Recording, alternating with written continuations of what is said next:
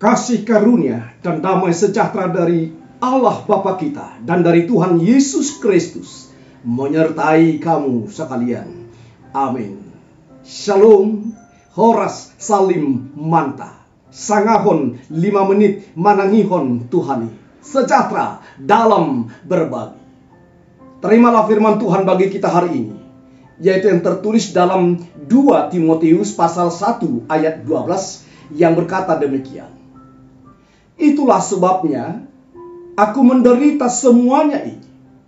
Tetapi aku tidak malu.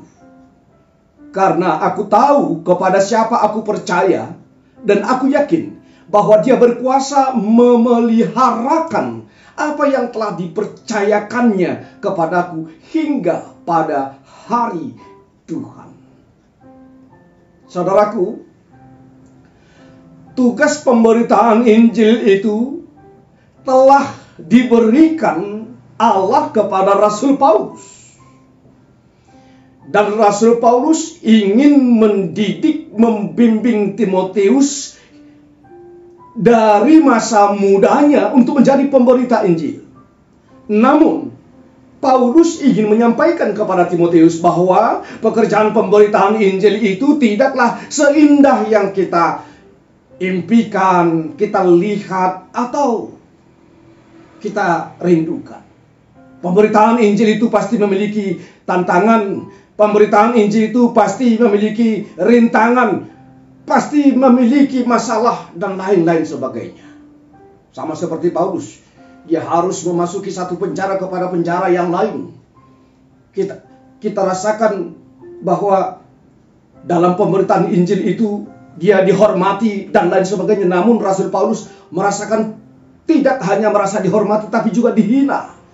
Oleh karena itu Paulus mengingatkan bahwa Paulus mengatakan itulah sebabnya aku menderita semuanya ini. Karena itu sudah tugas pelayanannya yang telah Tuhan berikan kepadanya.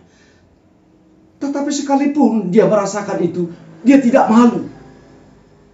Dia tidak putus asa. Karena apa? Apa yang membuat Paulus bersikukuh dalam pemberitaan Injil itu? Paulus mengatakan, karena aku tahu kepada siapa aku percaya. Kepada siapa dia yakin? Dan Paulus mengatakan bahwa dia berkuasa memeliharakan apa yang telah dipercayakannya kepadaku. Allah berkuasa memeliharakan pemberitaan Injil itu kepada Paulus hingga pada hari Tuhan. Hingga pada parausia itu datang. Maka pemberitaan Injil itu harus dilakukan hingga saatnya kita menerima mahkota kemuliaan. Puji Tuhan, Tuhan memberkati kita sekalian. Kita berdoa. Terima kasih Bapak di surga. Kami telah disuguhi dengan firman Tuhan pada saat ini. Bahwa di dalam iman kami, di dalam kepercayaan kami kepada Tuhan, tidaklah hanya untuk menerima yang indah, tapi akan menghadapi banyak masalah namun karena Tuhan yang mempercayakannya kepada kami, maka itu kami lakukan dan kami bertanggung jawabkan. Kami tidak malu, kami tidak takut karena Tuhan ada bersama dengan kami. Mari Tuhan selalulah bersama dengan para jemaatmu dalam menjalani kehidupannya. Kuatkan dan mampukan dalam setiap pergumulannya. Pada satu hari ini sertai kami Tuhan dalam aktivitas kami. Dalam nama Tuhan Yesus Kristus, ampuni segala dosa kami dan terimalah doa kami. Amin.